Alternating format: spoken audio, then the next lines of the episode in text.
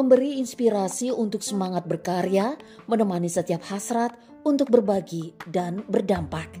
Optimis untuk terus bergerak maju bersama. Tak perlu merasa kecil karena semua peran sama pentingnya tanpa harus menyentil. Hexa Radio, produktif, kreatif, dan bahagia.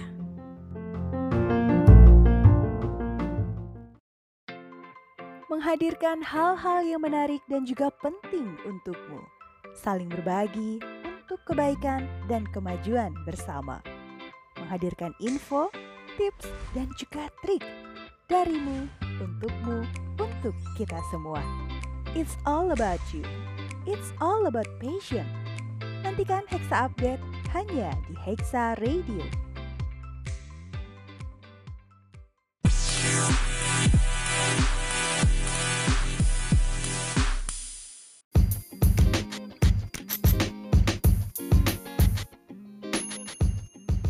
Hai, halo sahabat Hexa. Selamat datang di Hexa Update, sebuah program yang akan menghadirkan banyak sekali info singkat, tips, dan juga trik yang menarik. So, stay tune hanya di Hexa Radio.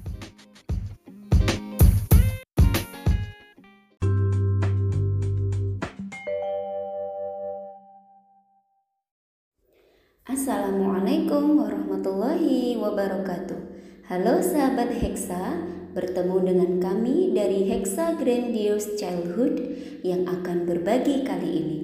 Pada kesempatan kali ini, kami akan berbagi tentang bahasa kasih anak. Bagaimana sih memenuhi bahasa kasih anak untuk memaksimalkan pendidikan yang akan kita berikan kepada anak kita? Menurut Dr. Gary Chapman, seorang ahli antropologi dan konsultan pernikahan dalam bukunya Five Love Language mengungkapkan betapa pentingnya memahami bahasa cinta atau bahasa kasih pasangan atau anak kita untuk menciptakan hubungan yang lebih harmonis. Setiap orang punya bahasa cintanya masing-masing untuk bisa mencintai dan merasa dicintai. Mempelajari bahasa cinta akan membantu kita untuk menghindari kesalahpahaman yang mungkin terjadi. Karena bahasa cinta yang salah akan menimbulkan konflik dalam hubungan. Seperti yang sudah kita ketahui, ada lima bahasa cinta. Yang pertama yaitu kata-kata peneguhan atau pujian, word of affirmation, di mana kita akan merasa dicintai ketika mendapat pengakuan langsung. Bahasa cinta yang kedua yaitu waktu yang berkualitas atau quality time. Kita baru akan merasa dicintai saat pasangan meluangkan waktunya untuk kita. Hal terpenting untuk kita adalah banyaknya waktu yang diluangkan pasangan kita untuk melakukan aktivitas bersama, bahkan di tengah kesibukan yang melanda. Yang ketiga yaitu pelayanan atau act of service. Saat pasangan membantu kita memasang rak buku, menyiapkan secangkir teh, memasak, melakukan tugas rumah tangga, memijit bahu saat kita pulang kerja. Momen-momen inilah yang membuat kita merasa sangat dicintai.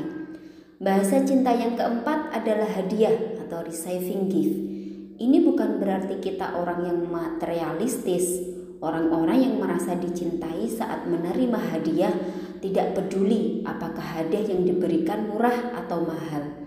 Yang lebih penting bagi kita adalah bagaimana hadiah ini menandakan perhatian pasangan atau anak kita. Bahasa cinta yang terakhir yaitu sentuhan fisik atau physical touch.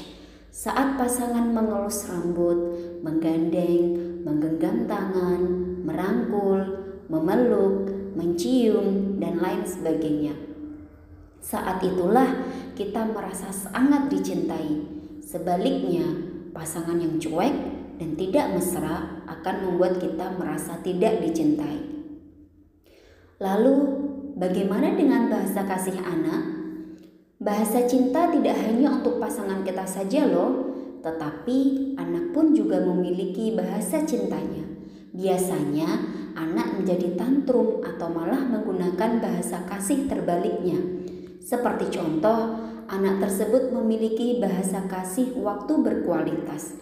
dia akan sangat senang dan sangat merasa disayangi, diperhatikan oleh kedua orang tuanya.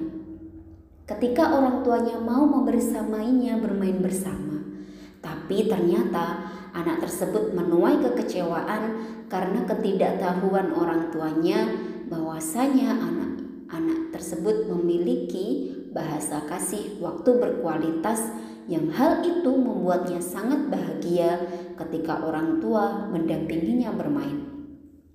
Menurut Dr. Adi W. Gunawan, beliau mengutarakan tentang teori baterai kasih sayang, bahwasanya di dalam diri manusia itu sebetulnya ada baterai kasih sayang.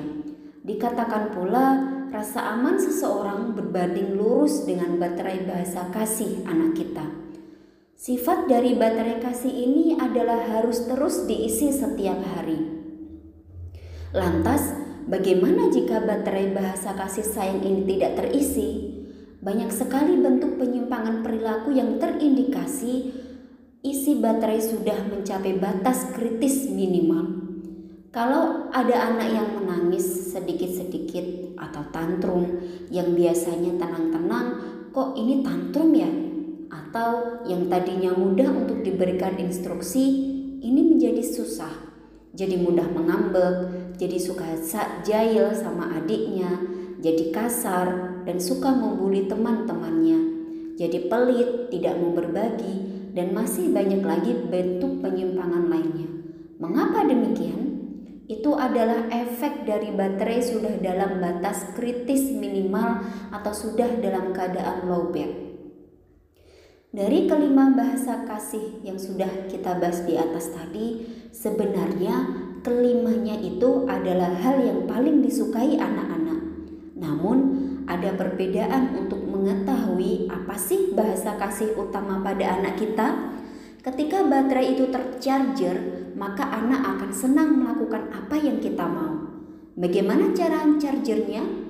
Untuk anak usia 3 tahun diisi setiap hari dengan kelima bahasa kasih dan dilakukan setiap hari diulang sebanyak tiga kali. Kemudian untuk anak usia 3 tahun ke atas sampai dewasa cari bahasa kasih utamanya yang nantinya akan mengisi kelima bahasa kasih yang lainnya dan diulang minimal dua kali sehari. Lalu lihat dan rasakan perubahannya. Sahabat Heksa, dengan kita mengenali bahasa cinta atau bahasa kasih pada anak, maka akan memudahkan kita untuk memberikan pengajaran atau pendidikan. Kita maksimalkan proses transfer ilmu dengan memenuhi baterai kasihnya. Karena dengan kita memenuhi baterai kasihnya, maka anak akan dengan senang hati menerima dan melaksanakan apa yang kita berikan. Yuk parents, kita kenali bahasa kasih anak sedari dini. Sekian seri berbagi dari kami. Selamat menemukan dan mencarger baterai kasih anak-anak ya. Wassalamualaikum warahmatullahi wabarakatuh.